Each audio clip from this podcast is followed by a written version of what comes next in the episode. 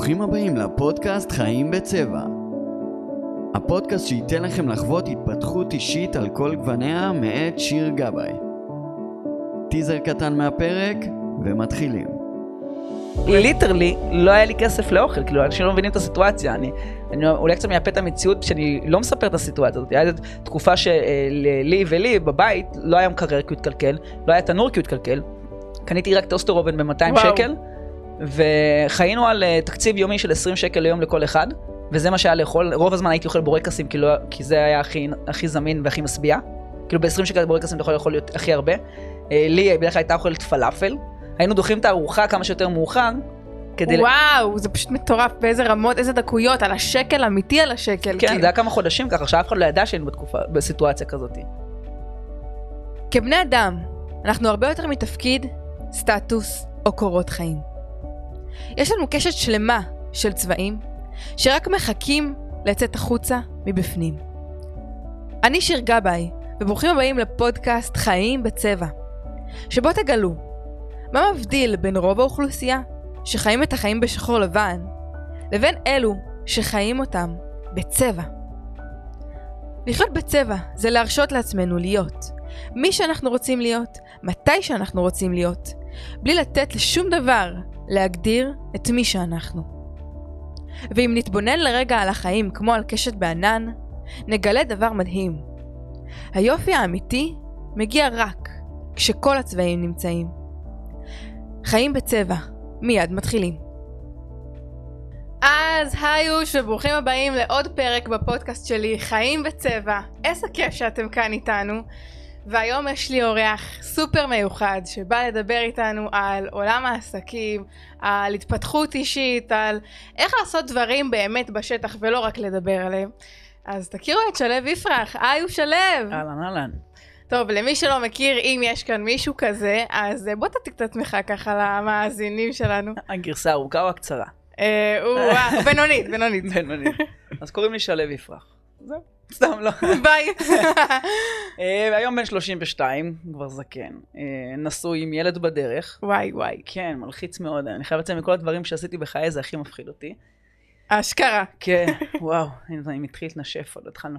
אה, בגדול, אבל ממש בקצרה, היה לי את, נקרא לזה תסמונת היזם הקלאסי.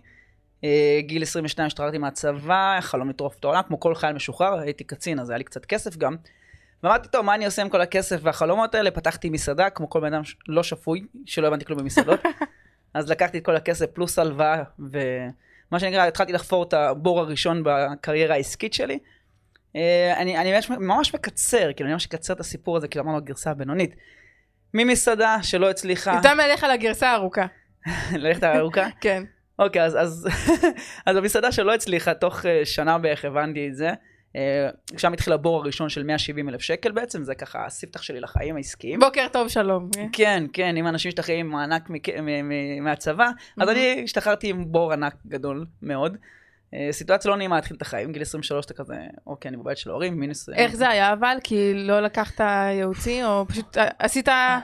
וואי, מה כל, היה? כל דבר אפשרי שהוא נכון לא לעשות, אוקיי? כמו למשל לעשות הסכם עם אנשים שכבר מבינים בעסקים בלי עורך דין, בלי להתייעץ ולחתום עליו כמו מפגר.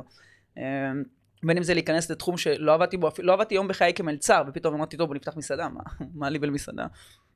אה, יש לי על זה לקח מאוד חשוב, שניים אפילו, זה... אני אומר את זה היום להרבה אנשים שמחפשים להיות מנכ"לים מהר מחר בבוקר, ואני אומר מהמם. להם, איך אתה מצפה להיות המנהל הכי טוב לפני שאתה עובד הכי טוב? כאילו, לגמרי. בטח לא לפתוח עסק ולהיות עצמאי בתחום. אה, ולא לעשות חתימות על מסמכים משפטיים בלי עורך דין, כאילו, לא להיות תמים. אה, אנשים, אנחנו חושבים שאנחנו יודעים הכל, במיוחד בגיל הזה, אז אה, וואו, איזה מכה.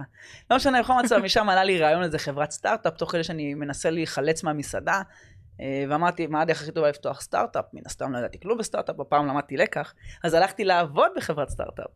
נכנסתי למחלקת... התקדמנו. כן, לא, הפקתי לקחים, אני אולי, אה, אולי אני חמור, כי אני קופץ למים בלי לחשוב, אבל אני לא טיפש, אני לומד מטעויות, אז, אז הכל בסדר.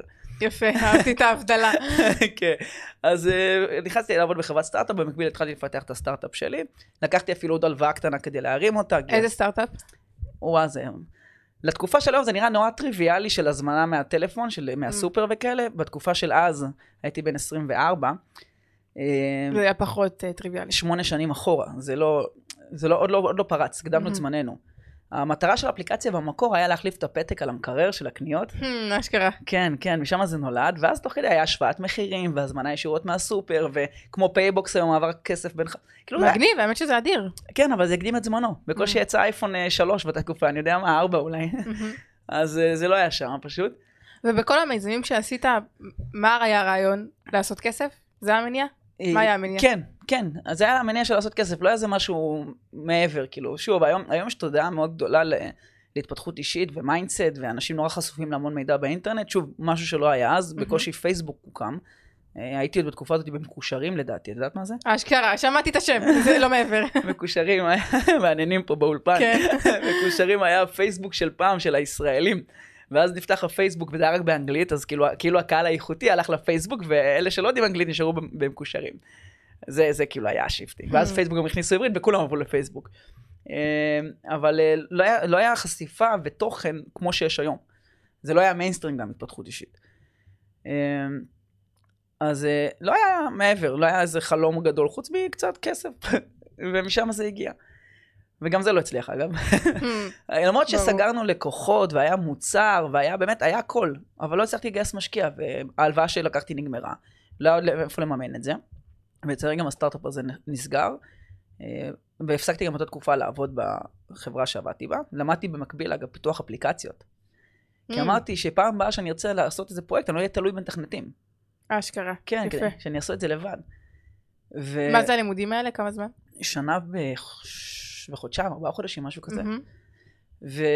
ובאמת זה מה שקרה, אחר כך אמרתי, טוב, מה הרעיון הבא שלי? ואמרתי, בוא נפתח בית תוכנה. עכשיו, למדתי רק פיתוח אפליקציות, כי אני לא לא יודע לקחת פרויקט מאפס. אמרתי, טוב, בוא ניקח שני חבר'ה מהכיתה שלי שהם יותר טובים ממני, וביחד נפתח בית תוכנה, אני אחפש את הלקוחות, אני אביא את הלקוחות, והם יעשו את העבודה, ויש לי בית תוכנה. באמת הבאתי לקוח ראשון, אחלה עסקה, על, על הנייר היה נראה כאילו עשינו הרבה כסף. בפועל, לא ידעתי שייקח כל כך הרבה זמן. לעשות את הפרויקט הזה. הפסדתי שם עוד איזה חבילה קטנה של כמעט 30 אלף שקל גם שמה. טוב, זה כבר צ'יפס לעומת כן, מה שחווית. זה נצבר, תחשבי מה. זה. זה קיצור, מפה לשם, השלב הבא שלי בהתפתחות העסקית היה כזה, זה היה, הלכתי, אמרתי, טוב, מה אני עושה עכשיו לעזאזל? חיפשתי את עצמי, ואז מצאתי, אגב, אני, מותר לקלל? כי אני מקלל המון. ברור. יופי, אנחנו פה אותנטיים, אותנטיות זה שם המשחק. מעולה. אז אמרתי, מה אני עושה לעזאזל עם החיים שלי? ומצאתי מישהו שהוא איש עסקים, יזם נדל"ן, שהוא מחפש מישהו שיהיה יד ימינו. אין לזה הגדרת תפקיד, אבל הוא חיפש מישהו כזה. והגעתי אליו, הצלחתי להרשים אותו איכשהו. ובאמת הייתי במרכז המסחרי שלו, בצורן, יד ימינו. עשיתי הכל, כי אני אומר לך הכל ברמה של אפילו מתיווך לחנויות, לעזור למנהל המתחם, לעצב, לבנות לו אתר אינטרנט ולעצב לו שם מה שאת לא רוצה, עד לנקות את הלוחות הסולר, הסולאריים על הגג. אחת התמונות המפורסמות שלי זה עם כובע אה, טמבל. מטורף. מנקה לוחות סולאריים מקקי של יונים על הגג של הבניין איזה שמונה שעות. ו... כמה זמן עבדת שם? יפה, אז, אז עבדתי איתו כיד ימינו, ואז נפתח הזדמנות לפתוח פיצוצייה שם. כי היה פיצוצייה שנסגרה. ואמרנו וואלה, יש את כל התשתית, בוא נפתח פיצוצייה ביחד, ופתחתי פיצוצייה. לא, אין לי מושג בפיצוציות, כן? אין לי מושג, את שואלת אותי למה, אין לי מושג עד היום למה עשיתי את זה. אשכרה. אבל, אבל, אבל אופי של יזם, חד משמעית. הייתי חייב, לא היה ברירה, הייתה הזדמנות, הייתי חייב. ו... ו...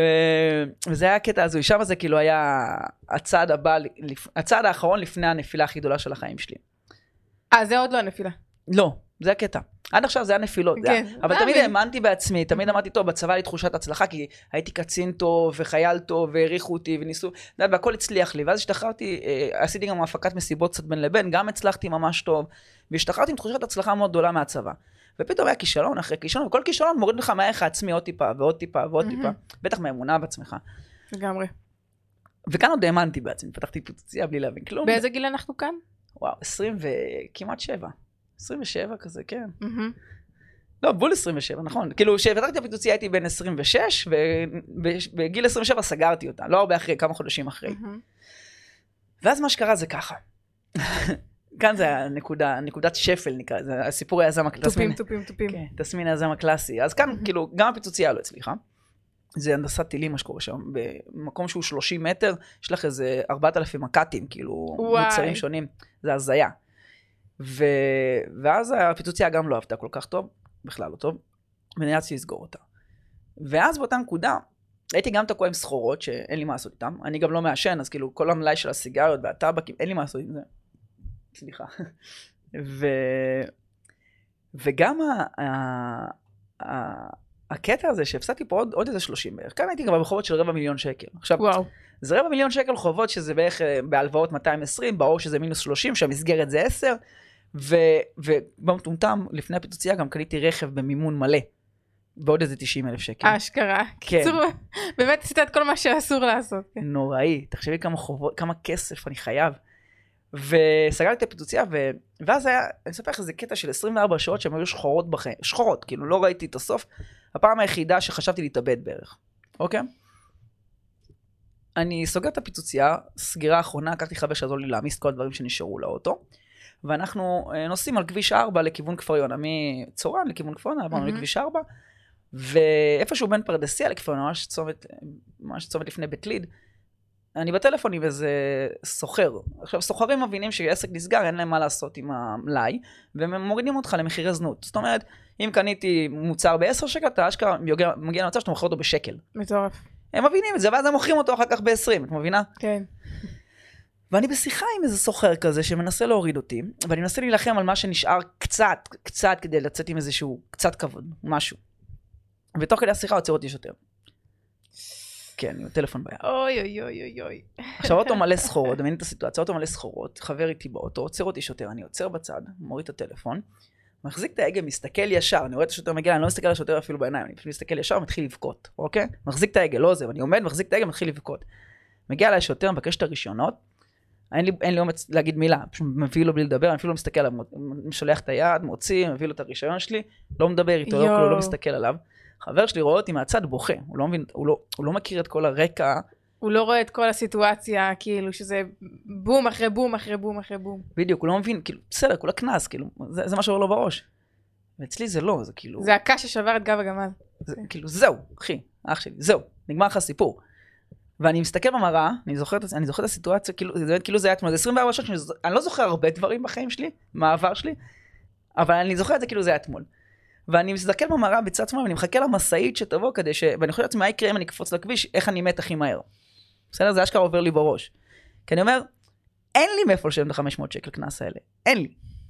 אני לא יכול לבקש עוד משהו מההורים, כאילו, אני חי להם, ב... אני בן 27. אני יושב עליהם בווריד הראשי, ומדי פעם אני מבקש כסף לדלק כי אין לי. אין לי, אין לי מה לעשות עם זה. ההחזרים החודשיים שלי להלוואות זה איזה 6, 6 וחצי אלף שקל, וזה לא, ש- זה כאילו אני משלם משכנתה בלי דירה. אשכרה. כאילו איפה, איפה הטריק, כן. איפה נפלתי כל כך, כאילו איזה בחירות בחיים עשיתי כדי להגיע לסיטואציה הזאת. כשמגיע אליי שוטר, אחרי זה, עם הקנס, הוא רואה כמה אני נסער, והוא אומר לי שהוא, הוא מקשיב לי עכשיו, שואל אותי מה קורה, אני אומר לו, והוא מצטער, הוא ממש מצטער שהוא לא יכול לבטל את הדוח, כי ברגע שהוא נכנס למערכת, אי אפשר לבטל דוח, ושהוא באמת מצטער, שהוא לא רצה לפני זה לשאול. ואני חוזר ככה, ואני שואל אותו אגב, לפני זה, מה קורה אם אני מת? כאילו, כי באמת זה עבר לי בראש. והוא אומר לי שהוא מצטער. באמת, ובאמת חשבתי, ולא ידעתי מה לעשות עם החיים שלי. אמרתי, בסדר, יותר גרוע מזה לא יהיה. חזרתי הביתה, ואני נכנסתי הביתה לישון, קמתי בבוקר, טלפון מהבנק, ואני רגיל טלפונים מהבנק, כי כשאתה חורג במסגרת וחובות, אז תמיד יש טלפונים, באים הלוות גישור, סוגרים את הפינה, ממשיכים הלאה בחיים. אז קיבלתי טלפון מהבנק, כאילו זה רגיל, עוד יום. קיבלתי טלפון מהבנק, ואני מגיע לבנק באותו רגע, אמרו לי בוא עכשיו לבנק, אני בא לבנק, והבנקאית אומרת לי, תביא רגע את האשראי, אני מביא לה את האשראי, בום, גוזרת אותו. עכשיו האינסטינקט שלי באותו רגע להסתכל על הארנק, לראות כמה מזומן יש לי, אני ראיתי 20 שקל בארנק, וזכרתי שהיה לי רבע טנק דלק. עכשיו, יואו, איזה סרט. אני מסתכל עליה, אני אומר לה, מה עשית? אני, אני באמת, אני מבוהל, אני אומר לה, מה עשית? היא אומרת לי, אני מצטערת, זה הפרוטוקול, אני אומר לה, אוקיי, אבל מה אני אמור לעשות עכשיו? אמרתי לה, אתה צריך לסדר את זה. אמרתי לה, כן, בואי נעשה הלוואת גישור, משהו. היא אומרת, לא, אי אפשר, אתה כבר, אי אפשר לתת לך שום דבר, כאילו, פתור את זה. אמרתי לה, כן, אני אפתור את זה, אני אחפש עבודה, אני אלך לרעיונות, יש, אני למדתי תכנות, אני יכול לפתח אפליקציות, משכורות טובות, אבל צריך לרעיון עבודה, אין לי כסף לדלק. מה אתה מצפה ממני לעשות? היא אומרת, תעזר בהורים שלך, תבקש ממנו לעזור לך לסגור את החוב. אני אומר, אני לא יכול לשבת, זה לא שההורים שלי עשירים. יש, להם, יש לי עוד ארבע אחיות, כאילו, והם לא עשירים. אמא שלי שכירה, אבא שלי עובד בעסק קטן, עצמאי משלו. זה לא שהם, אה, אין להם עודפים עכשיו להביא לי כסף. מה אני אמור לעשות? היא אומרת לי, מטורף. מצטערת, אין מה לעשות, תסתדר. עכשיו, אם עד אז הייתי עם קוביות בבטן, חתיך, נראה טוב, שומר על עצמי, בחודש הזה, של פברואר 2017, פשוט נכנסתי למיטה, חודש שלם לא יצאתי, התחלתי להשמין, הזנחתי את עצמי, שיחקתי במחשב כל היום. לא ראיתי, שוב, לא, לא, לא היה טעם, לא היה טעם, כאילו, מה, מה הטעם? אין לך איך לצאת מהבית גם. אין, אין מה לעשות. כאילו, זה נקודת, כאילו, מה, מה, איך אתה יוצא מנקודה כזאת שאתה בחובות ענק, ואין לך מה לעשות? א- אין לך מה לעשות. ההורים שלך ידעו מכל המצב? ברור. כאילו, ברור, ידעו, אבל, מהחומרה שלו? אבל אין להם כבר איך לעזור לי בנקודה מהמם. הזאת. כאילו זה באמת כן. חובות, אתה לא יכול ליפול על ההורים שלך.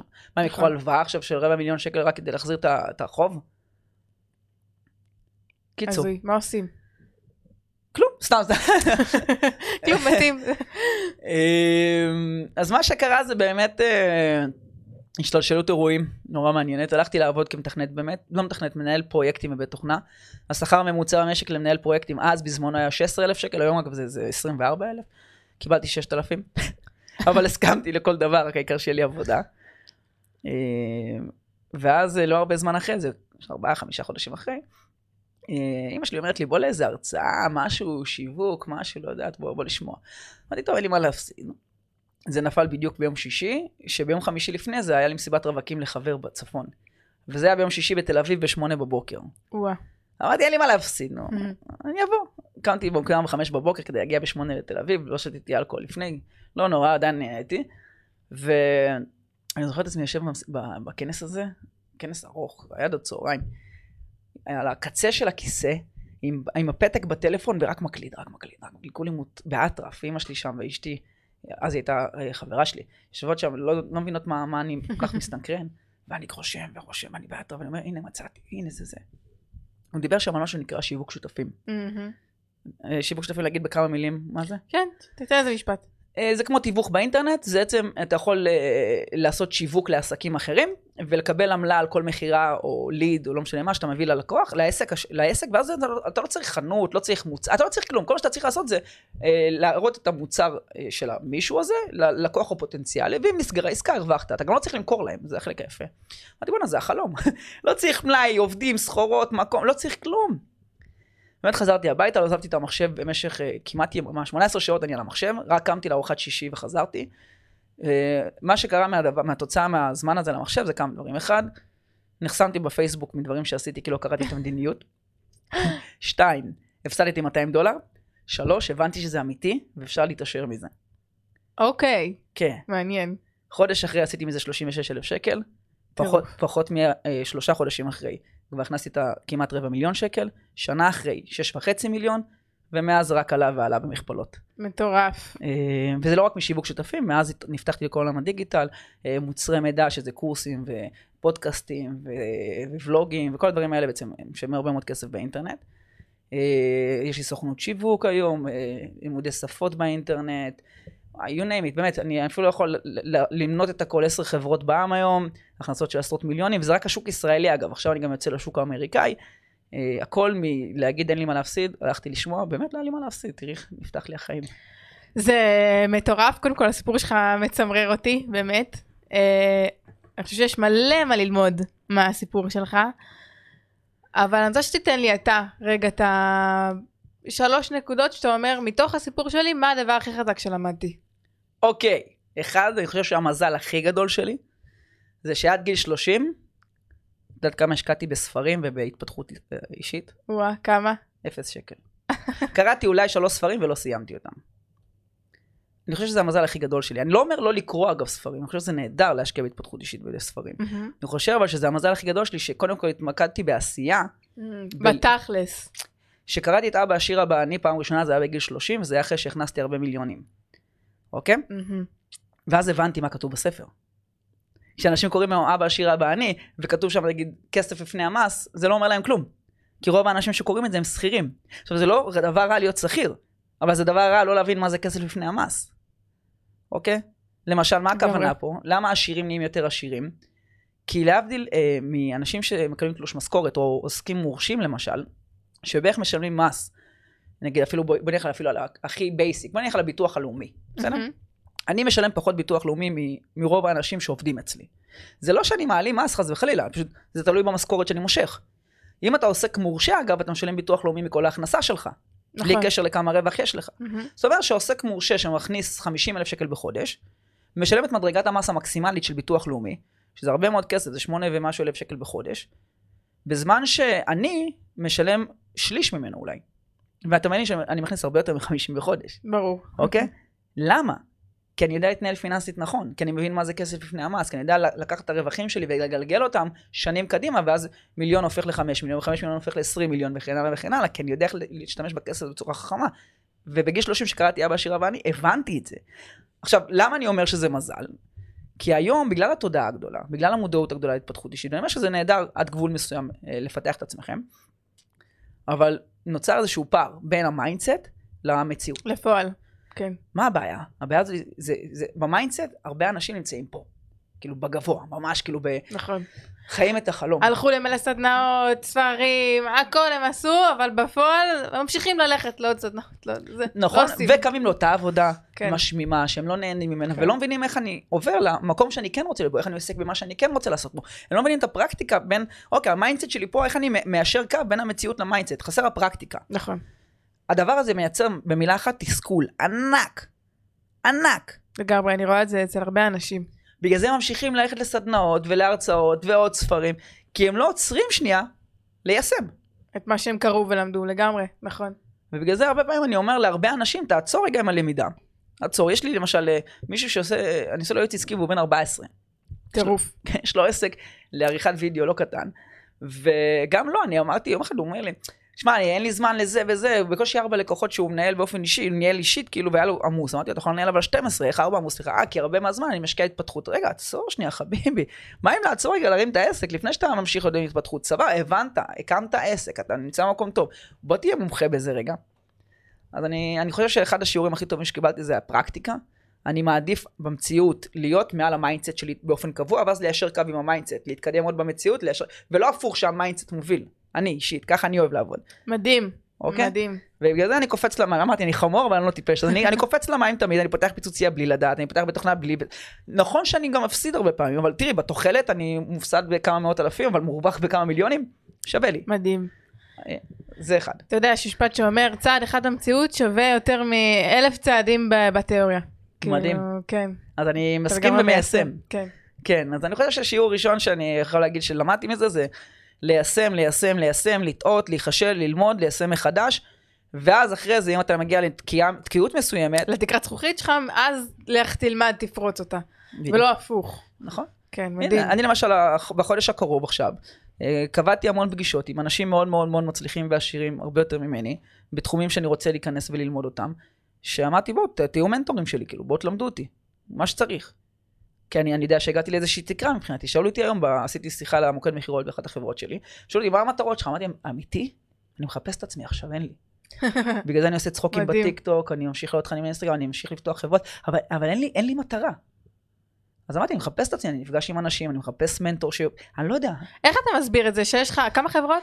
עשרה. עשר או עשרה אומרים? חברה אחת, עשר. כן.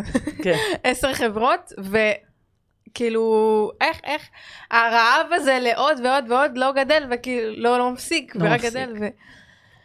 איך מסבירים דבר כזה? כאילו, מתי מגיע הסטופ? הוא לא מגיע, אה? שאתה, אני, אני חושב שבגלל שאני עושה את זה כי אני נהנה מזה, איזה מדהים. אז אני לא חושב, אני לא רואה בזה, לא יודע.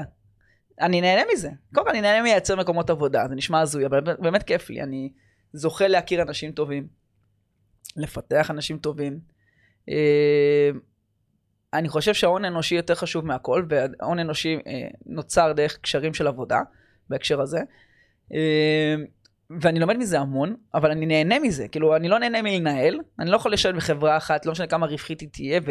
והייתה לי אגב חברה ממש רווחית, באמת, הזיה. סופר רווחית. ודווקא אותה סגרתי מכל, יותר רווחית מכל החברות שלי ביחד, וסגרתי אותה, כי נאלצתי וראיתי שאני אהיה חייב לנהל אותה בערך עוד חמש שנים קדימה, ולא יכלתי. איזה חברה זאת? זה מדע אשוח, Mm.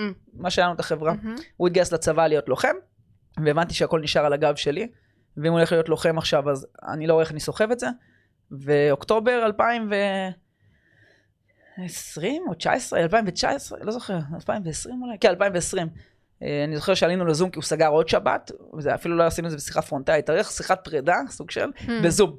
אה, היינו, שני- אני עוד שותף והדר בשיחת זום, ואמרתי להם שאני כבר הרבה זמן זה יושב עליי, כבר כמה חודשים זה יושב עליי, ואני לא חושב, הוא התגייס במרץ, והשיחה הייתה באוקטובר, מהמם. ואני לא חושב שאני יכול להמשיך עם החברה, אני חושב שיותר נכון לפרק אותה. אגב, כולם הסכימו איתי, זה היה כזה ממש הדדי. כל אחד מהסיבות שלו, אבל הסיבה העיקרית שלי זה כי אני פשוט לא נהנה לנהל. התאמנתי בזה, נהייתי טוב בזה, כי לא היה ברירה, אבל אני לא אוהב את זה. אבל הבנתי מה אני כן אוהב, אני אוהב להקים, אני אוהב ליצור, אני אוהב לפתח, אני אוהב להיות יצירתי. והניהול הוא יותר מדי, מבחינתי לפחות, הוא יותר מדי מונוטוני. מדהים, אז אתה אוהב את שלב ההקמה, ליצור דברים מאפס, ליזום, ואז לתת למישהו אחר לנהל ולהוביל את זה משם. לגרום לזה לעבוד, אני אוהב את האתגר של לגרום לזה לעבוד, Mm. ואז לשחרר. כאילו, אני אני אוהב את האתגר. כשזה עובד אני כבר לא מעניין, לא מעניין, זהו, אין Mm. אתגר יותר, ביי. מדהים. זה הראש של יזם אמיתי, כאילו באמת הליזום, הליזום עצמו זה מה שמעניין, ולהמשיך הלאה לחברה הבאה, מטורף. נכון. אוקיי. אז זה- אז זה דבר אחד. דבר כן. שני שלמדתי, זה שיש חמישה מיומנויות. חמ- לא, אין לי עברית, חמש מיומנויות. אגב, אין לי בגרות בלשון, למי ששואל. חמש מיומנויות ש... שהן מבחינתי ה... הבסיס להצלחה בכל תחום. שברגע שאתה לומד אותם, ושוב, זה הדבר שאני למזלי לא, לא למדתי בבית ספר, אוקיי? מהמם. פשוט הייתי כושל בכל מקצוע כמעט, חוץ ממחשבים וספורט, אוקיי? כושל. ו...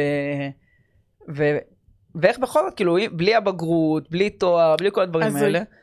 כי אם יש את החמש מיומנויות האלה, ובאמת שולטים בהם ברמת מיומנות, זה לא יכולת, זה מיומנות, באמת אפשר להצליח כמעט בכל תחום שרוצים, ואני אני לא מגזים שאני אומר את זה. אה, למנות אותם גם? מוכנה? יאללה, בטח, ברור. הראשון זה אה, למידה. מיומנות למידה. לא מה שלמדנו בבית ספר לשנן, לשנן זה לא מעניין. למידה. לדעת איך אה, לקרות מידע, קריאת מידע בכף. לחפש, כי באינטרנט יש המון מידע. מה נכון, מה לא נכון, איך אני מגיע למידע מהר, איך אני מוצא אותו בצורה יעילה יותר. אה, איך אני לומד אותו יותר נכון. יש את השלב של לזכור יותר מידע. ואת הקריאה המהירה. זאת אומרת, הזמן שלוקח לי למשל ללמוד חומר חדש, הוא, הוא מהיר מדי בהרבה מקרים. אנשים חושבים שאני לא רציני. כי הם רואים אותי עובר על איזה משהו, אוקיי, לקחתי. איך עברת על זה כזה? ככה אני קורא.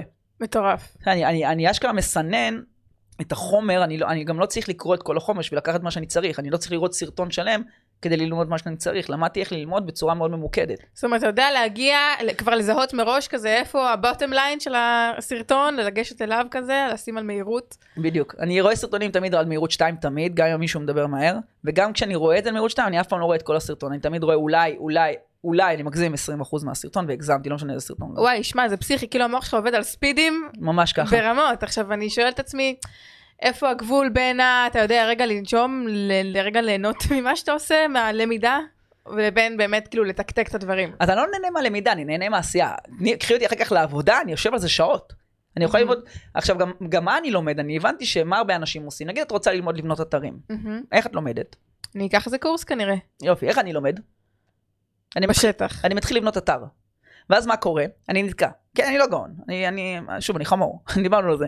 אני מתחיל לבנות אתר. עכשיו, אני לא יודע איך בונים אתר, אני מתחיל לבנות אותו. ואז אני נתקע, ואז מה אני נתקע? בבעיה נגיד באיך לחבר דומיין. לא יודע, פעם ראשונה נתקע במילה דומיין. אני הולך מחפש איך לחבר דומיין. ואני לומד את זה, ואז מה זה DNS, ואני לומד את זה. ואז מדהים. מה זה וורדפרס, ואני לומד את זה, ואז מה זה אלמנטור, ואני לומד את זה, ואז איך עושים את ה... ואז אני לומד תוך כדי תנועה, אבל אני זז קדימה, נתקעתי, אני לומד את הדבר הספציפי הזה, מדהים, אוקיי, יפה. אוקיי? ככה אני לומד. ואז אם אני רוצה להרחיב את הידע, אני קונה קורס. יפה. הבנת? וגם לא- אותו אתה שם על אה, מהירות 0.2. כן, כנראה. אני אני לא, לא, 2-0, לא 0-2. 2-0, כן, נכון. אה, וזה מיומנות שהיא סופר קריטית, הלמידה. למידה עצמית היא סופר קריטית, זה הקצב, זה יכול להיות זיכרון, אפשר להתאמן על הכל, באמת, אפשר להתאמן על הכל ולדעת לסנן גם אה, מה חשוב, מה לא חשוב. הדבר השני, זה הגדרת מטרות. כאילו, זה נשמע כאילו פשוט להגדיר מטרות, נכון? אני רוצה להשיג ככה וככה. בואי נגיד, מה המטרה שלך? בואי נעשה Mm, משחק. אני כבר אה, יודעת איך להגדיר את זה בצורה זה. בואי אני מאתגר אותך, בואי נראה אם. זה 100% בצד שלי. אה, לצורך העניין, אני רוצה להוריד אה, חמישה קילו, זאת אומרת, לשקול 50 קילו, זה לא באמת המטרה שלי, אבל נגיד לצורך העניין, אה, 50 עד תאריך ה-20, לש... לא, איזה חודש אנחנו? 20 לחמישי, אה, 22, אה, ובמסה ככה וככה, וכזה. אוקיי. אוקיי, נ- נניח, כזה. אז, אז זה בסדר, זה מה שהרוב עושים, זה מה שלימדו אותנו לעשות. כן, איך מגדירים מטרה נכון? אז יש חמישה מרכיבים, את נגעת יאללה. במטרה ותאריך, נכון. נכון? בסדר, אפשר להצליח ככה. זה לא מספיק טוב. מה רוב האנשים שאומרים, אני רוצה, מה חופש כלכלי? רוב האנשים שאני מכיר אומרים, אני רוצה חופש כלכלי. כולם רוצים חופש כלכלי, נכון? גם את רוצה חופש כלכלי. מהמם. מה זה חופש כלכלי? זה שיהיה לך את החופש לקנות מה שבא לך, מתי שבא לך. כן, מה זה חופש? כלכלי? ואני אמשיך לשאול. עכשיו תראי, אני לא אעשה- אוקיי. לא את הכל כדי לא לגמור. את כל הפודקאסט. אבל אף אחד אף פעם, בפעם הראשונה ששאלת מה זה חופש כלכלי, לא ידע להגיד לי מספר. מה Mm. המספר לחופש כלכלי? כי לכל אחד כן, כל אחד זה משהו שונה. נכון, מה המספר שלך לחופש כלכלי? יפה, שאלה טובה. המספר שלי ושלך הוא לא אותו מספר. אגב, אני אגלה לך סוד, רוב האנשים לא יודעים את זה, אבל כנראה שאם תכניסי 50 אלף נטו בחודש, זה מספיק לך לחופש כלכלי. מעניין עכשיו מה שאתה ואני אומר. אומר לך וילה בקיסריה, מזרטי בחנייה החדשה, אה, גנים פרטיים לילדים, אני אומר לך ברמה הזאתי. מטורף. ועוד יישאר לך עודף עכשיו לבזבוזים. סקרנת אותי. תראי, אנשים לא מתרגמים חופש כלכלי, או בכלל כל מטרה שלהם, ל...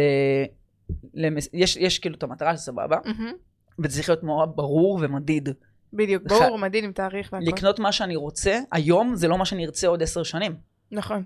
בסדר? כי עוד, אם היום אני רוצה מסיבות ויאכטות ובילויים וטיולים מסביב לעולם, עוד עשר שנים שיהיה לי משפחה, אני לא ארצה את זה. אני ארצה חינוך הכי טוב לילדים, אני ארצה את ה... אה, אה, לא יודע, בוסטר הכי בטיחותי, אני ארצה דברים אחרים. אוקיי? לגמרי. ולכן אני צריך להבין מה זה חופש כלכלי ומתי זה קורה ולהגדיר אותו במספר. וזה קל היום. תגידי וילה בקיסריה, לכי תראי כמה עולה לך להשכיר, או דמייני את זה כמשכנתה וילה בקיסריה, בסדר? אם בא לך רכב, איזה רכב, לכי תראי באינטרנט אפשר למצוא את מה המחירים של הכל. לכי תתפרי, לכי על הכי פרוע שלך, מה זה חופש כלכלי? וגם, כמה שעות ביום את עובדת? כמה ימים בשבוע את עובדת? זה סופר קריטי, גם את נכון. זה צריך לתרגם. לגמרי. כי אז אני צריך להבין כמה שווה שעה שלי, או גם שעה שאני לא עובד. למשל עכשיו שאני מדבר איתך כאן, אני כנראה מרוויח כמה אלפי שקלים, או עשרות אלפי שקלים, אולי גם מאות אלפי שקלים, יכול להיות, אני לא יודע כמה אני מרוויח בשעה שאני לא עובד. אני יודע כמה אני. מרוויח בשעה שאני עובד, אבל בשעה שאני לא עובד זה יכול להיות כמה אלפי שקלים עד מאות אלפי שקלים. לפעמים אני הולך לישון, קם בבוקר עם 100 אלף שקל בחשבון. קורה, קורה. אבל גרמתי לזה לקרות. זה לא סתם קורה. לגמרי. למה זה קורה? כי ידעתי בדיוק מה אני רוצה. קודם כל, מטרה ברורה, מדידה. אחרי זה אני מתרגם את זה ליעדים. חייב להיות יעדים, זה מדרגות בדרך למטרה. הרי אני לא יכול לקום בבוקר מחר ולהיות בחופש כלכלי, להכניס 50 בחודש נטו, פסיבי. אני לא יכול. צריך לפ... לפני זה, נגיד, בואי נרד אחורה למטה, למטה, למטה, למטה. היעד הראשון שלי יהיה להבין איזה מקצוע יכול להכניס לי 50 אלף שקל בחודש. לגמרי. אז אולי היעד הראשון יהיה לחקור על המקצועות שמסוגלים להכניס לי 50 שקל בחודש, ויהיה לי גם מתחת לזה משימות.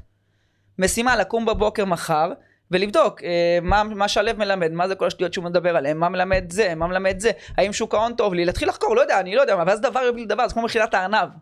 אוקיי, אני לא יכול לדעת מה יהיה כל המשימות שלי מתחת לכל יעד. אני יכול לדעת מה היעד, ומתחת ייוולדו לי משימות לאט לאט עד שאני אסמן וי על היעד. שמצאתי את הדבר האחד הזה שיכול להכניס לי, יהיה לי יעד חדש, שאומר בוא נלמד אותו. אשכרה. אוקיי? מטורף. ובוא נעשה את השקל הראשון, היעד הראשון, לעשות את השקל הראשון מאותו דבר שגיליתי שהוא הכי נכון לי. ואז יהיה לי נכון. לקנות קורס מהמורה שהכי אני התחברתי אליו, ואז יהיה לי ללמוד את הקורס הזה. נכון? יהיה לי מלא... אה, לגמרי, תתי משימות, זה לא נגמר. נכון. ועכשיו מה הקטע? שלכל הדבר הזה של מטרות, יעדים נכנס, ומשימות, יש עוד שתי אלמנטים שזה אה, אסטרטגיה וטקטיקה. שבגדול בשפה אה, המקצועית הרחבה זה, זה דברים מאוד גדולים, אבל בשפה של אה, הגדרת מטרות, זה פשוט לוחות זמנים. מה זה לוחות זמנים? למטרות כמו שעשית בהתחלה, מהמם. השתמשת במטרה ואסטרטגיה. אסטרטגיה זה פשוט לוחות זמנים למטרות. פשוט שימי את זה ב... ב זה עוגן ביומן שאני, כשאני מגיעה ליום הזה, אני צריכה להשיג את הדבר הזה. לגמרי. נכון. יעדים זה מה קורה בדרך. זה הטקטיקה.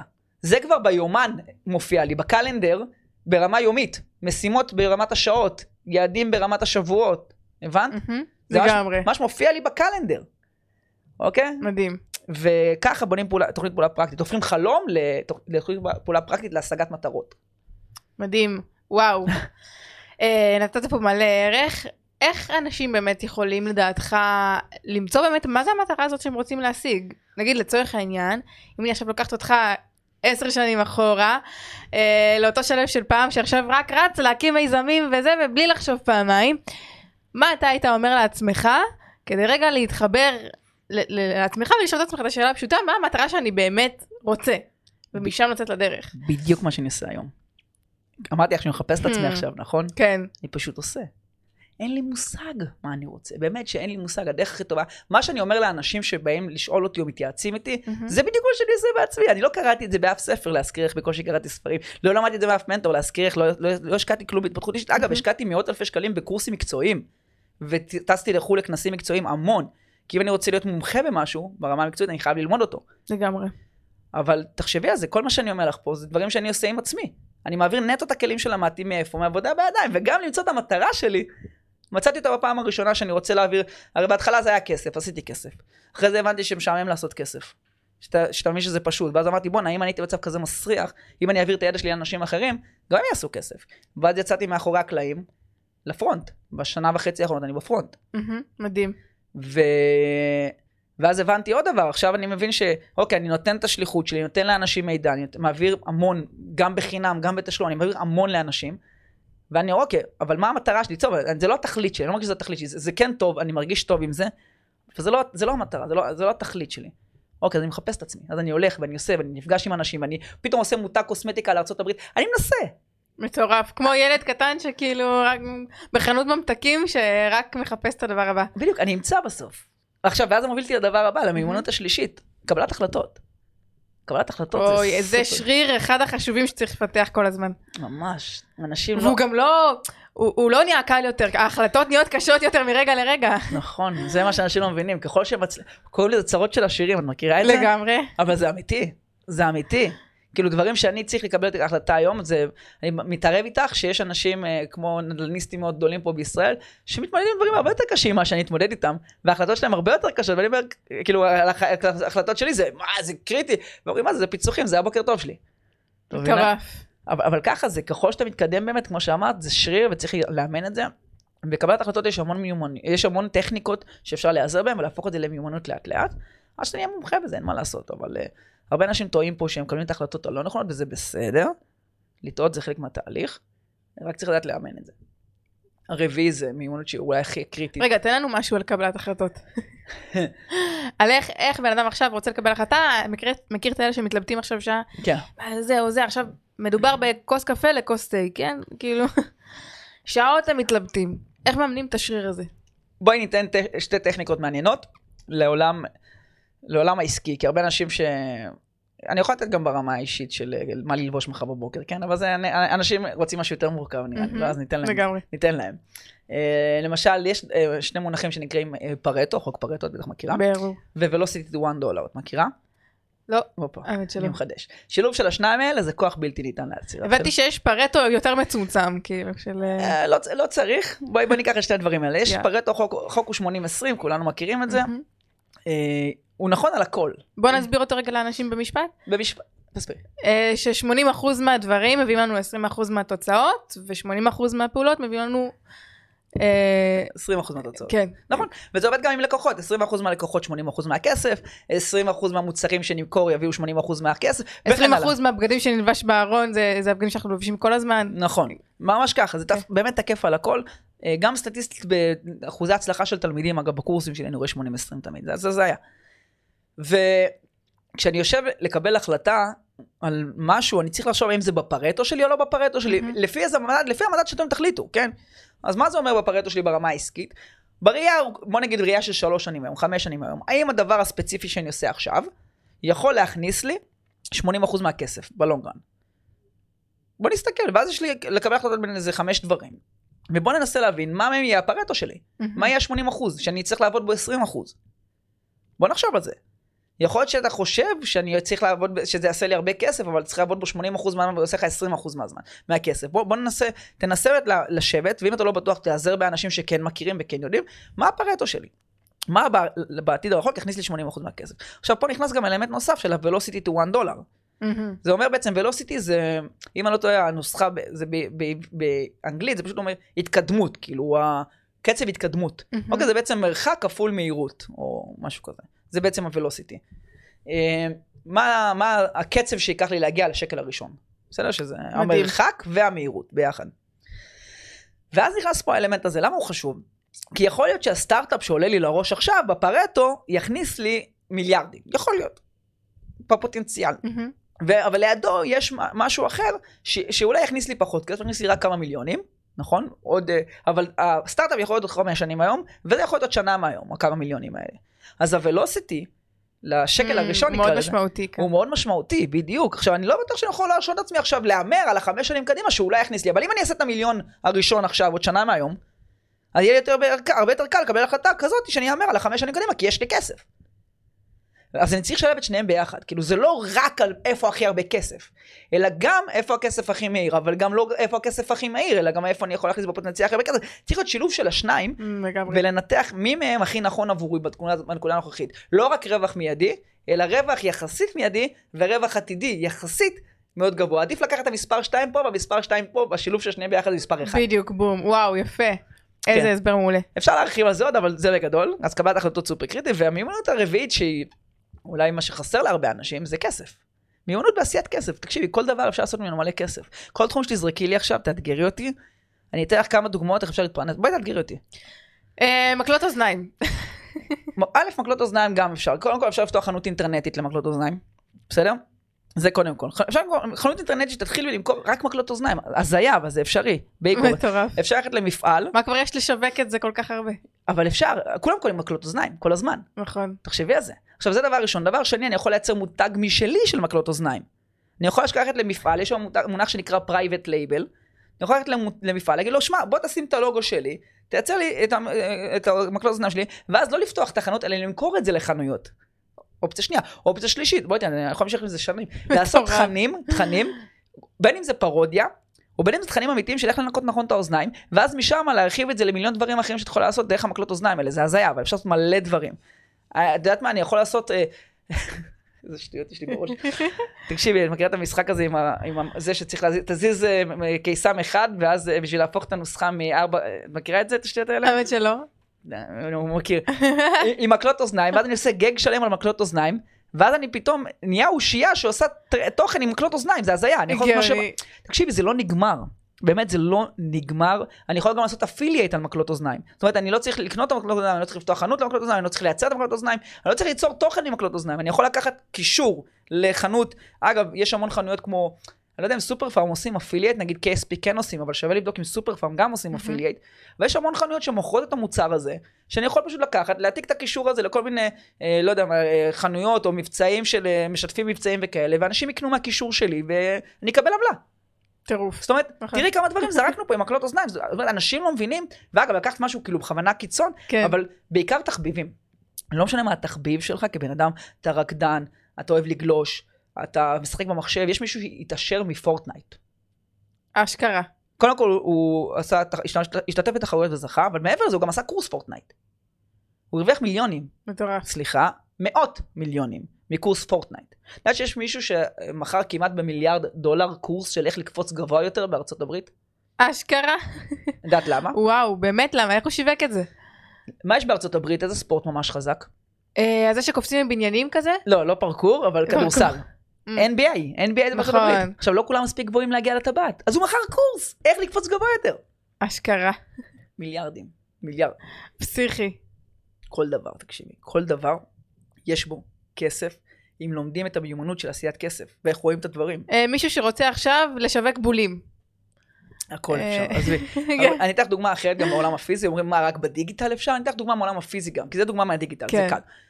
אני אומר במרכאות זה קל, זה קל למי שלומד את זה, נכון, כן? בדיוק. אה, בגלל זה, אגב, איך כל חברה שלי מצליחה לעשות כסף עכשיו, את מבינה? הממוצע של חברות שלי להגיע למיליון הראשון 42 יום. וואו, ממש מלדת את זה, כאילו. כן, כן, זה. זה, זה הסטטיסטיקה, זה מה שקורה. יש חברות שלוקח קצת יותר זמן, יש חברות שעושות את זה כבר בשבוע הראשון. הממוצע 42 יום למיליון הראשון. פעם מיליון ראשון, זה נכון, מתי אני אעשה את המיליון זה הראשון? המטרה הזאת שכאילו מתישהו בגיל 40 אני אגיע אליה. אז אני כל 42 יום בממוצע משיג את המיליון הראשון שלי מחברה חדשה. אה, כי לומדים את זה, זה מיומנות. עכשיו, בעולם הפיזי בא אליי הגנן שלי, סיפור אמיתי. אני, אני בבית, ואני אוהב, אוהב לחפור, כמו שאת שומעת. אני יושב עם הגנן שלי, מקשקש איתו, מכין לו קפה, ומדבר איתו, תספר קצת על העסק. מעניין אותי להבין עסקים, אני, אני מתעניין בעסק שלו. הוא מספר לי זה וזה, ואמרתי, רגע, אז איפה הרווח הכי גדול מטיפול חד פעמי של אה, גינה חדשה, הקמת גינה, או שוטף, הריטיינר? עכשיו, למה חשבתי שהריטיינר יותר טוב? כי אמרתי, בוא'נה, אין הרבה עבודה. זה יציב, אני יכול להחזיק הרבה גינות במקביל, ואז יש לי, אני יודע, לנתח את התזרים של העסק. והוא אומר לי, לא, דווקא החד פעמי הרבה יותר שווה לי, כי כוח עבודה עולה לי אותו דבר, הזמן עבודה כמעט אותו דבר. לא כזה הרבה יותר. נגיד פי שלוש יותר, אבל- אבל אני גובה פי עשר יותר מהחד פעמי. זאת אומרת שהזמן שלי הוא פחות, והכסף שלי הוא פי עשר יותר. מטורף. אז הופתעתי מזה, קודם כל, ואז אמרתי, אוקיי. ומה עוד אתה יכול לפתח בעסק? הוא אומר לי, זהו, מה אני יכול? אני גנן. אמרתי לו, רגע, שנייה. היי, רגע. נכנסת אליי לבית, נכון? כן. אני סומך עליך, נכון? כי גם חד פעמי וגם ריטרן. אתה כל חודש פה, נכון? אפילו כל שבועיים, נכון. יופי. עכשיו תגיד לי שאלה, אם אתה גם ככה נכנסת אליי, מה שנקרא רגל בדלת, או במקרה הזה רגל בשער, אתה בתוך הבית שלי, אתה לא יכול, אה, אתה רואה שאתה בפרגולה שלי, אתה רואה שהיא צריכה צביעה. אתה לא יכול להציע לי צביעה לפרגולה, אומר לי, אני לא עושה, רגע, אתה מכיר מישהו שכן עושה צביעות לפרגולה? הוא אומר, בטח, אמרתי, או, אתה יכול לחבר את העסקה, אתה יכול לקחת ממני את הכסף, לקחת עמלה קטנה של 5-10% מלמעלה, ולהביא את האיש מקצוע לוודא שהוא עושה את העבודה כמו שצריך. הוא אומר לי, בטח שאני יכול, אמרתי אז למה שלא תעשה את זה? למה שלא תציע לי את זה? הוא אומר, כי לא חשבתי על זה, נכון, כי לא חשבת על זה. אתה יכול לעשות לי פה הדברה, יש לי פה נמלי אש, הוא אומר לי, אני לא עושה הדברה. אבל, אה, נכון, כן, אני כן מכיר מישהו שיכול לעשות הדברה לנמלי אש. מדהים. כאילו, זאת אומרת, אנשים לא מבינים שהם לא חייבים שיהיה להם, כל מה שצריך לעשות כדי לעשות כסף, זה לחבר את האנשים הנכונים אליך ולקחת עמלה. זה למצוא מש, מישהו שצריך משהו ולספק לו את זה. למצוא מישהו שצריך משהו ולספק לו את זה, זה כל המשחק של עשיית כסף. מדהים. אם אתה מבין את זה ואיך עושים את זה פרקטית, זה, אתה מבין כמה קל זה. באמת, זה קל, זה הזוי, זה, סליחה שאני אומר את זה בצורה בוטה, אבל זה קל לעשות כסף, החלק הקשה זה לנהל אותו. לנהל את הכסף זה החלק הקשה. בטח אתה אומר לעצמך, יואו, אם הייתי יודע את מה שאני יודע היום, לפני עשור, כשהייתי מטומטם בן 22. אבל שיעור טוב, אני חושב שזה היה שיעור, כן. האמת, אני, אני חושב שזה היה שיעור טוב, גם בזכות זה זכיתי להכיר את הפרצוף האמיתי של אשתי, שכשהייתי בחובתיות הייתה חברה שלי כמה חודשים, בחובות מהמם. הכי גדולים, היא הלכה ועבדה בשתיים, ואז גם בשלוש עבודות כדי לעזור לי לצאת מזה. כאילו, היא לא שילמה את החובות שלי, אבל היא כן פרנסה אותנו, שזה הזיה. אז אה, ברגע שראיתי את זה, יצאתי על נישואים ואמרתי, המצב שהיא בורחת. יואו. אה, היום אני זוכה לעזור לה, היא סטודנטית במשרה מלאה, ואני זוכה לעזור לה, אבל היא עזרה לי המון בלעדיה, כאילו, אני לא יודע אם- כמה זמן היה לוקח לי לצאת מזה. מדהים איך הגלגל מתהפך, אגב. כן. אה, כן, כן, זה מדהים. אה, והדבר האחרון, מן הסתם, משמעת. משמעת היא מיומנות. תמיד, תמיד בסביבה שלי של האנשים שאני עובד איתם, קולגות, עניינים. זה נראה לי הדבר הכי חשוב, אתה יודע? באמת. אז, אז תמיד עבדתי בסביבה של סופרסטארים, תמיד הם סופרסטארים. כלומר, מה, מה הקטע עם סופרסטארים? יש להם אפס ודאונס. עכשיו, אני מאוד, אני מאוד עקבי, סיסטמטי. כן. מאוד. כאילו, לי יש משמעת, אני לא תלוי במצבי רוח, לי, המוטיבציה לא משפיעה על העבודה שלי, אוקיי? מעניין, איך אתה עושה את זה? מה מה זה לא משפיע? אנחנו בני אדם. כן, אני לא, סתם. זה, זה שאלה טובה. זו שאלה טובה, אני לא... לא יודע איך להסביר את זה בכמה מילים עכשיו פה, בלי להיכנס לחפירה הארכיאולוגית. אני אנסה רגע להיות מתומצת, אני חושב על זה. עכשיו חס וחלילה משהו רע קורה, אה, לא יודעת מה, מישהו קרוב אליך נפטר חס וחלילה. קרה הלכתי לי. רחוק, כן? אבל... לא, זה קורה לי. קרה לי, נגיד, שמישהו קרוב אליי נפטר, ואני אני לא רובוט, אני לא רובוט, אני, אני כן מעכל ומתמודד עם תחושות ורגשות. אה, אני לא יודע איך להסביר את זה, אני לא יודע איך להסביר את זה. אני יודע איך ללמד את זה, כן, אבל זה ארוך, אני לא יכול להיכנס לזה עכשיו, יש לזה. המון- יש לזה המון הקדמה, זה כאילו, צריך ללמוד את כל ארבעת המיומנויות הקודמות כדי להבין איך ללמוד משמעת. בגלל זה. אני- בגלל זה אני מתקשה עכשיו, רגע, איך על סמך כלום, בלי בסיס, אני יכול עכשיו ללמד אנשים איך לפתח את המשמעת. אני כן יכול להגיד לך שזה ניתן לאימון, בסדר? זה ניתן מהמם. לאימון, ואני אומר את זה בוודאות שמשמעת מביאה אותך אה, מאוד רחוק. כאילו, גם אם אתה לא סופרסטאר, כאילו, טאלנטים יגיעו רחוק. הם, הם מגיעים רחוק. גם עם משמעת, גם בלי משמעת, הם, הם מגיעים רחוק. אני רואה את זה שוב בסביבה שלי, כאילו. מה ההבדל בין טאלנט לסופרסטאר? זה, זה אותו דבר, טאלנט בסופרסטאר, אוקיי. כן. אה, אני מדבר על אנשים רגילים כמוני, כן? אני, אני רגיל, אני, לי, אני, לא, אני לא מיוחד, אני לא, אני לא הכי טוב במה שאני עושה. אה, אני כן הכי עקבי, אולי אני כן הכי טוב בשיווק דיגיטלי, כי אני מאוד עקבי עם זה, אבל, אבל אה, בסביבה שלי, נגיד, הדר, סתם דוגמא, כדוגמא, מהמם. הדר, שהוא- הוא, הוא פי עשר בכל דבר שהוא הוא כן בוחר לעשות, הוא עובר אותי פי עשר. אני לא יודע איך להסביר את זה, יש לי עוד שותף אביאל בסין, מכירים אותו כספייסי קראפ, מהמם. שמעת? כן. יש לו רק איזה 320 אלף עוקבים ביוטיוב, משהו בקטן כזה. גם הוא, כשהוא מתחיל משהו ספציפי שהוא עושה, שאני יותר טוב ממנו היום נגיד, הוא עובר אותי בזה, כי הוא, הוא, הוא טאלנט. אה, כאילו הוא לומד דברים במהירות ויש לו איזה כישרון טבעי כזה. כן, זה או מהירות, או כישרון טבעי, או איזה משהו ספציפי שיש בו, שפשוט גורם לזה להיות טוב יותר. אני לא יודע איך להסביר את זה. עכשיו העסקתי מישהי שהיא הולכת להיות משווקת אצלי בחברה, היא למדה שיווק אולי שבועיים, והיא קופירייטרית פי עשר יותר טובה ממני. עכשיו אני עובד על זה, אני טוב, אני קופירייטר באמת מהטובים שיש. והיא עברה אותי, היא כלום, משבועיים שהיא בתחום. מטורף. היא תעבור אותי גם בשיווק, אני יודע, כי היא טאלנטית. עכשיו, מה שאני אומר זה שגם אנשים כמונו רגילים, או כמוני, לפחות לא יודע אם את טאלנטית או לא, אני לא יודע, אבל כנראה. נגיד שכן. אה, אבל אנשים כמוני, הרגילים, שאין להם איזה מיומנות על, שהם לא הכי גבוהים, הכי חכמים, עם הקול הכי סקסי, עם הכריזמה הכי גבוהה, שהם באמת ממוצעים. אפשר להשיג תוצאות יוצאות דופן כמו האנשים הכי מוכשרים שהם מכירים, עם משמעת. כי מוטיבציה לא תיקח אותנו רחוק. שוב, כי אנחנו לא טאלנטים, אנחנו לא נעשה את הפיק הזה שיגרום לנו לאיזה פיצוץ, ואז אנחנו נוכל להישאר מהפיצוץ הזה עד שאנחנו דועכים, ואז שוב עוד פיק יותר גבוה, אתה מבינה? אנחנו לא, אנחנו צריכים עלייה עקבית. יהיה פיקים קטנים, כי תמיד זה ככה, אבל, אבל צריך עלייה עקבית, וצריך משמעת בשביל זה. כי, כי מוטיבציה, אני משווה את זה לכמו תמר לפני אימון, או באמצע אימון, נכון? משהו מתוק כזה להרים את. זה, זה נגמר, מהר. לגמרי. משמעת זה איפה שנגמר המוטיבציה, משמעת מתחילה. drive פנימי כזה אמיתי שמחזיק אותך. זה מעבר ל drive, זה לעשות את מה שצריך לעשות, גם אם אין לך זין גם לעשות כשלא את זה. בא לי, כן. ממש ככה, זה משמעת. אה, ושוב, מי שאומר אין לי משמעת, זה כי הוא לא אימן את זה מספיק, צריך להתאמן על זה. אחד הדברים שעוזרים מאוד למשמעת, אגב, זה, זה באמת ה... נחזור למיומנות 2, זו מטרה מאוד ברורה, עם יעדים מאוד ברורים, עם משימות מאוד ברורות. כאילו, ברגע שיש לנו את זה, זה מכניס לנו איזשהו אה, משמעת, כאילו, אנחנו כופים על עצמנו איזשהו אה, סמכות חיצונית כביכול, את היומן שלנו, שמאלץ אותנו בשביל להגיע לזמנים, וזה כמו איזה גורם זר שמחייב אותנו. יותר קל לנו שכופים עלינו משהו, לעמוד בדברים. אז אה, זה איזשהו כלי קטן כזה, אבל, אבל משמעת, כאילו, שאנשים יתמקדו במשמעת ולא מוטיבציה. יום אחד באו אליי, מוקד מכירות, אמרו לי, שב, תעשה לנו שיחת מוטיבציה. נכנסתי למשרד ועשיתי לכולם כזה זין, עם אצבעות ויצאתי. אמרו לי, אחלה שיחת מוטיבציה. אם אתם צריכים מוטיבציה כדי למכור, אתם כדאי לכם להתפטר עכשיו. אתם צריכים משמעת להרים שיחות אה, מכירה, ואתם לא צריכים מוטיבציה. מטורף. והל- והלכתי. וזהו, ומה קרה למכירות באותו יום? לא יודע, הלכתי, באמת הלכתי, הלכתי הביתה. ולא עקבת מה קורה עם זה. לא. אני אני לא micro-management. גדול. לא לא בחנת אבל אם התיאוריה שלך עובדת. אני מקווה בשביל, שמעי, הם- הם מוכרים טוב, כן? כן. פשוט הם מדי פעם חושבים שהם צריכים, אין, אין, אסור להתבסס על מוטיבציה. אסור. לגמרי. זהו, זה היה חמישה, זה, נראה לי חפרתי לך על השיעור הכי חשוב שהיה לי, שני וואו. שיעורים הכי חשובים שהיו לי. תשמע, מדהים. קודם כל, אה, באמת, רק מהסיפור האישי שלך, מילא לנו פודקאסט שלם, זה פשוט מטורף. אמ, וואלה, אני שמעתי ממקורות חיצוניים, סודיים ביותר, אה, שכשהיית בחובות של 250 אלף שקל, היית הולך לתרום זרע. איך הרגשת באותה תקופה? אוי, אוי, זה לא לפרסום, אני לא לא מישהו סיפר את זה. תשמעי, זה לא לפרסום, אבל יאללה, אם כבר יצא מרצה מן השק. אה, הייתי חייב לא כסף. היית מוכן, לא היית מוכן. כן, כן, האמת שלא הייתי מוכן. כי באמת זה לא היה לפרסום, באמת, אני לא צוחק. ידעו על זה מעט מאוד אנשים, נראה לי שאבא שלי עדיין לא יודע על זה. אנחנו נראה. סתם. אבא שלי עדיין לא יודע, זה לא גיליתי לאבא שלי אמיתי. אמא שלי. יודעת, אבא שלי לא יודע.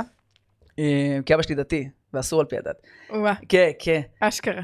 אבל אה, מה, אין מה לעשות, כאילו, אני לא יודע, אנשים יכולים לשפוט אותי על זה, אבל אה, הייתי ליטרלי רעב ללחם. כאילו, זה מה שמילא לי את הדלק להגיע לעבודה. אוקיי? זה, זה מה שמילא לי את הדלק להגיע לעבודה, זה מה שמילא לי את המקרר בבית. כאילו, literally, תחשבי שכל המשכורת שהיה לי, הלך רק על החזר חובות. לא היה לי כסף לאוכל. כאילו. literally, לא היה לי כסף לאוכל. כאילו, אנשים לא מבינים את הסיטואציה. אני, אני אולי קצת מייפה את המציאות שאני לא מספר את הסיטואציה הזאת. הייתה תקופה שלי ולי בבית לא היה מקרר כי הוא התקלקל, לא היה תנור כי הוא התקלקל. קניתי רק טוסטר אובן ב-200 וואו. שקל, וחיינו על אה, תקציב יומי של 20 שקל ליום לכל אחד, וזה מה שהיה לאכול. רוב הזמן הייתי אוכל בורקסים, כי, לא, כי זה היה הכי, הכי זמין והכי משביע. כאילו ב-20 שקל בורקסים אתה יכול לאכול הכי הרבה. אה, לי בדרך כלל הייתה אוכלת פלאפל. היינו דוחים את הארוחה כמה שיותר מאוחר, כדי... וואו, זה פשוט מטורף, באיזה רמות, איזה דקויות, על השקל, אמיתי על השקל. כן, כאילו. זה היה כמה חודשים ככה, שאף אחד לא ידע שהיינו בתקופה, בסיטואציה כזאת. והיא ואם היית, אגב, כאילו באותה תקופה? עבדה בשלוש עבודות. היא נכון. אשכרה עבדה בשלוש עבודות. אשכרה. את מבינה? ואין ברירה, כשאין לך כסף לאוכל, אתה צריך לעשות... אמרתי, כל מה שבמסגרת החוקי אני מוכן לעשות, אוקיי? אה, וכן, גם, גם זה, זה היה הרבה מאוד כסף, זה היה שווה את זה. ו... מה אני אגיד לך, כאילו... הפתעת אותי עם זה, כאילו לא- לא תכננתי לספר את זה, בטח לא אה, בפודקאסט. זכרתי את זה לסוף, שמרתי לסוף את הטוב ביותר. כן, אבל, כן, אני חושב שזה, אם אפשר משהו ללמוד מזה, אוקיי, אה, זה שאין דבר שהוא כאילו, לא יודע מה, הייתי, גם, אם צריך הייתי עובד בזבל, כן? אחלה משכורת. עכשיו, בלי צחוק, אני באמת חושבת שיש בזה המון תושייה. אתה כאילו מוריד את האגו שלך ועושה את מה שצריך. נכון. איך אמרת? כמו במשמעת, אני עושה את מה שצריך גם כשאין לי זין לזה? אז כשעברתי ל... לא מזמן גרתי, בבני... עכשיו עברתי לרמת גן בגלל העבודה, החלטתי שאני מתקדם קצת למרכז, קצת אווירת מלחמה, הייתי בבנימינה לפני זה.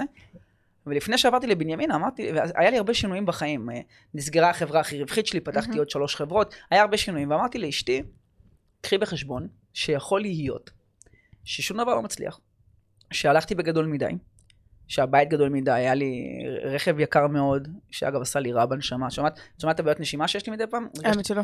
הרגשתי מזויף קצת, אה, והתחלתי להשתחרר מדברים חומריים שעושים לי רע. כמו המרצדס, וה... לא משנה, כאילו, כל מיני דברים שעשו לי רע. ואשכרה התחילו לבית נשימה מזה. הרגשתי מזויף. וואו. שם. כי, כי זה שיש לי הרבה כסף לא אומר שאני צריך לקנות מלא שטויות, כן? מטורף, אבל איך זה השפיע עליך פיזית? הנה זה, הנשימות העמוקות האלה זה כן. מזה, זה עד עכשיו, עדיין יש לי שאריות של זה. פעם זה היה יותר חמור, הייתי אשכרה מאושפז בבית חולים כמה ימים. ברמה הזאת, כן. אה, ואמרתי לה, קחי בחשבון שיכול להיות שקפצתי גדול מדי. ואגב, התשובה היא לא, בסוף הצלחתי והכל מתפוצץ וסבבה, אבל, אבל יכול להיות, ש... ועד היום אני אומר שזה יכול להיות, אני מוכן לזה במקרים ותגובות, ששום דבר לא מצליח, הכל קורס, ואני חוזר להיות שכיר, ואני חוזר אולי אפילו לגור אצל ההורים, זה יכול להיות. עכשיו לאנשים, למה זה מפתיע הרבה אנשים שאם זה קורה להם הם מגיעים למשבר הכי גדול של חייהם? כי האגו כל כך נפגע, הם לא מוכנים לזה, הם נתפסים בה- בהפתעה מצבית, הם לא מוכנים שזה יקרה, ואז ש- כשזה קורה הם כל כך מרגישים השפלה, אבל אני מבין שזה יכול לקרות, זה חלק מהמשחק, זה, זה ליטרלי משחק, ויכול להיות שאני אחזור לנקודת האפס, ואצטרך לצ- לצמוח משם מחדש עם הידע שיש לי היום, וזה יהיה הרבה יותר מהיר והרבה יותר קל, אבל זה יכול לקרות. מטורף. אתה כאילו לא תולה את התדמית שלך, את הערך העצמי שלך בהישגים שלך, בתוצאות שלך. וזה, אני חושבת, אחד הדברים הכי חזקים שאפשר ללמוד בו. אה, לא, לא לחשוב שזה שעשינו וזה שהשגנו, אומר שאנחנו כאלה וכאלה. נכון? גם לא על מה אני נוהג ולא על איפה, כאילו אנשים שוב מייחסים לזה חשיבות גדולה למה אני לא עם אה, רולקס עכשיו? אין לי איזה תכשיט, א' אני לא אוהב וזה לא נוח, אני יכול לקנות, ויהיה לי, ו. שאלו אותי על איזה רכב אתה נוהג, אמרתי שאלות שקשורות להצלחה שלכם, לא מזמן, בסטורי. ואז הוא שאלתי על איזה רכב אתה נוהג, צילמתי לו רכב שחור, כי אני נוהג על איזה טויוטה עכשיו, כי אני לא סגור איזה רכב בא לי לקנות עכשיו. אמרתי לו, הנה, אני נוהג על רכב סחור טויוטה, ואיך זה עזר להצלחה שלך עכשיו, שאתה לא יודע את זה? כאילו, מה, מה זה עוזר לאנשים? למה אני עם חגורה של... באמת, חגורה מכיתה ג' נשבע לך עכשיו צוחקים על החגורה הזאת. מה אכפת לי? זה מודד האם אני מצליח יותר או פחות? בוא תראה כמה עובדים יש לי, בוא תראה שאני משלם משכורות במאות אלפי שקלים בחודש. כאילו בוא תמדוד אותי בהצלחה העסקית שלי, ולא באיך אני נראה, מה אני לובש, אה, וגם אם זה נכשלתי בעסקים. בוא תמדוד אותי בדרך שאני מעז לעשות ולנסות, זה שיש לי את. הביצים לקום ולעשות. על האופי שלך, על היכולות שפיתחת, על המיומנויות, לגמרי. ממש ככה, זה, זה, זה אדיר, כי אני חושבת שבאמת רוב האנשים היום תופסים הצלחה בזכות הסטטוסים החברתיים האלה, נכון. שאתה בא ומנפץ לכולם את זה בפרצוף, כאילו... מה, בהתחלה עוד בכלל, לא היה לי עוקבים באינסטגרם, ואני נותן ייעוץ, נתתי ייעוץ להרבה אנשים מאוד. מצליחים. אה, עשיתי ייעוץ ללבנת, טורינובסקי, ולמתן ניסטור, ולרונן גולן, ולגיל רווה, והיה לי פגישה אפילו עם, עם אה, אה, לירון מור, מהמם. גם, כאילו המון אנשים שנתפסים מאוד מצליחים בתעשייה, עשיתי להם פגישות ייעוץ פה ושם, חלק תהליכים, חלק פגישות ייעוץ. ו- ו- ויום אחד, כאילו, היה לי בהתחלה מעט מאוד עוקבים, ומישהו אומר לי, עשיתי פגישת ייעוץ לאיזה מישהו שהיה לו, מישהי שהיה לו יותר עוקבים ממני, ואז הוא אומר לי, מה אתה יכול לעשות לפגישת ייעוץ? היא יכולה, היא יכולה לקנות אותך. עכשיו, קודם כל, על סמך מה אתה מודד למי שאתה עוקבים זה באינסטגרם? הזוי, זה הזוי, זו, זה התפיסה. את מבינה את ההזיה? ואני אומר, על סמך מה אתה מודד? כאילו, איך, איך אתה יודע מה אני... יש לו יותר עוקבים ממך. אוקיי, ו... כאילו, זה המדד? מטורף. זה הזוי. נדפק לנו המוח, אני באמת אומרת. לגמרי. אה, וואו, טוב, שלו, היה לנו פה פרק מטורף. אה, אני חושבת שהוא יצא שעה ומשהו, אבל וואה, באמת, סליחה, חפרתי. לא, באמת, זהב כל מה שאמרת פה, באמת. אה, איזשהו משהו, טיפ אחרון למאזינים איך לצאת לדרך, הדבר הראשון שהם צריכים לעשות. אני לא אמכור פה כלום. סתם, סתם. אני חושב שאמרת את המילת מפתח, לעשות. הדבר הראשון שצריך לעשות זה פשוט לעשות. קומו ותעשו, כאילו, לגמרי. נכון. ללמוד זה בסדר, אני אדבר למצלמה רגע, אני אדבר אליכם המאזינים היקרים. אה, למדתם משהו חדש? לפני שאתם ממהרים ללמוד את הדבר החדש הבא, תעצרו, תיישמו, תראו אם זה מתאים לכם או לא מתאים לכם. תבינו שיש המון שפע בעולם, לא רק ברמה המנטלית, אלא ליטרלי יש המון שפע בעולם. לכו תשיגו אותו, יש המון דרכים להתפרנס ממה שאתם אוהבים. אל תתפשרו על משהו שנראה לכם שיש בו הרבה כסף. אני מבטיח לכם שאם תעסקו בתחום שאתם אוהבים, יש בו הרבה יותר כסף מתחום שאתם חושבים שיש בו הרבה כסף. כל תחום. אפילו סריגת סוודרים, באמת, ברמה הזאתי. אם אתם אוהבים את זה, יש שם דרכים שאפשר להתעשר מזה, אתם גם תהנו, אתם לא תקומו לעבודה כל יום. אז תחפשו את זה ותעשו את זה, מבטיח לכם שיש הכל. ואני אגיד עוד דבר אחרון, שכשעוקבים אחרי מישהו, רואים הצלחה של מישהו, בבקשה תזכרו, לכולם אני אומר את זה, תזכרו, שההצלחה נמדדת לא מהיום שהתחלתי להצליח, או שהתחלנו, או שהאנשים האלה התחילו להצליח, אלא מהיום שהתחלנו לנסות. וואו, איזה משפט חזק. אז אני מקווה. שיקחו את המשפט הזה פשוט, שהם ירגישו יותר טוב עם עצמם. לגמרי. טוב, אפרופו לעקוב אחרי מישהו, אם רוצים לעקוב אחריך, איפה מוצאים אותך? כתבו שלו יפרח בגוגל ותמצאו. יש באינסטגרם, יש בפייסבוק קצת, יש בטיקטוק צחוקים. טיקטוק אני עושה רק צחוקים, כאילו באמת רק צחוקים. אם רוצים לראות איך עושים עסקים ונהנים על הדרך, אני, אני באמת רק צחוקים. ברמת הטמטום אפילו. יס, וואי, טוב, שלו, היה פרק מדהים, אני חושבת שיש פה המון מה ללמוד, באמת, תודה. לכל אחד שמאזין. נהניתי. נהניתי גם, תודה רבה שהגעת, ואנחנו נתראה בפרק הבא של חיים בצבע. אם יש לכם עוד שאלות, דברים שאתם רוצים אה, לשאול את שלו על הדרך שלו, על כל מה שהוא אמר כאן, אני חושבת שאתם יכולים לפנות אליו, הוא יענה באהבה. נכון. אה, ויש לכם גם אותי, ה- הפודקאסט הזה יעלה בכל האפליקציות. אה, וזהו, יאללה, אנחנו נתראה בפרק הבא של חיים בצבע. יאללה, צ'או.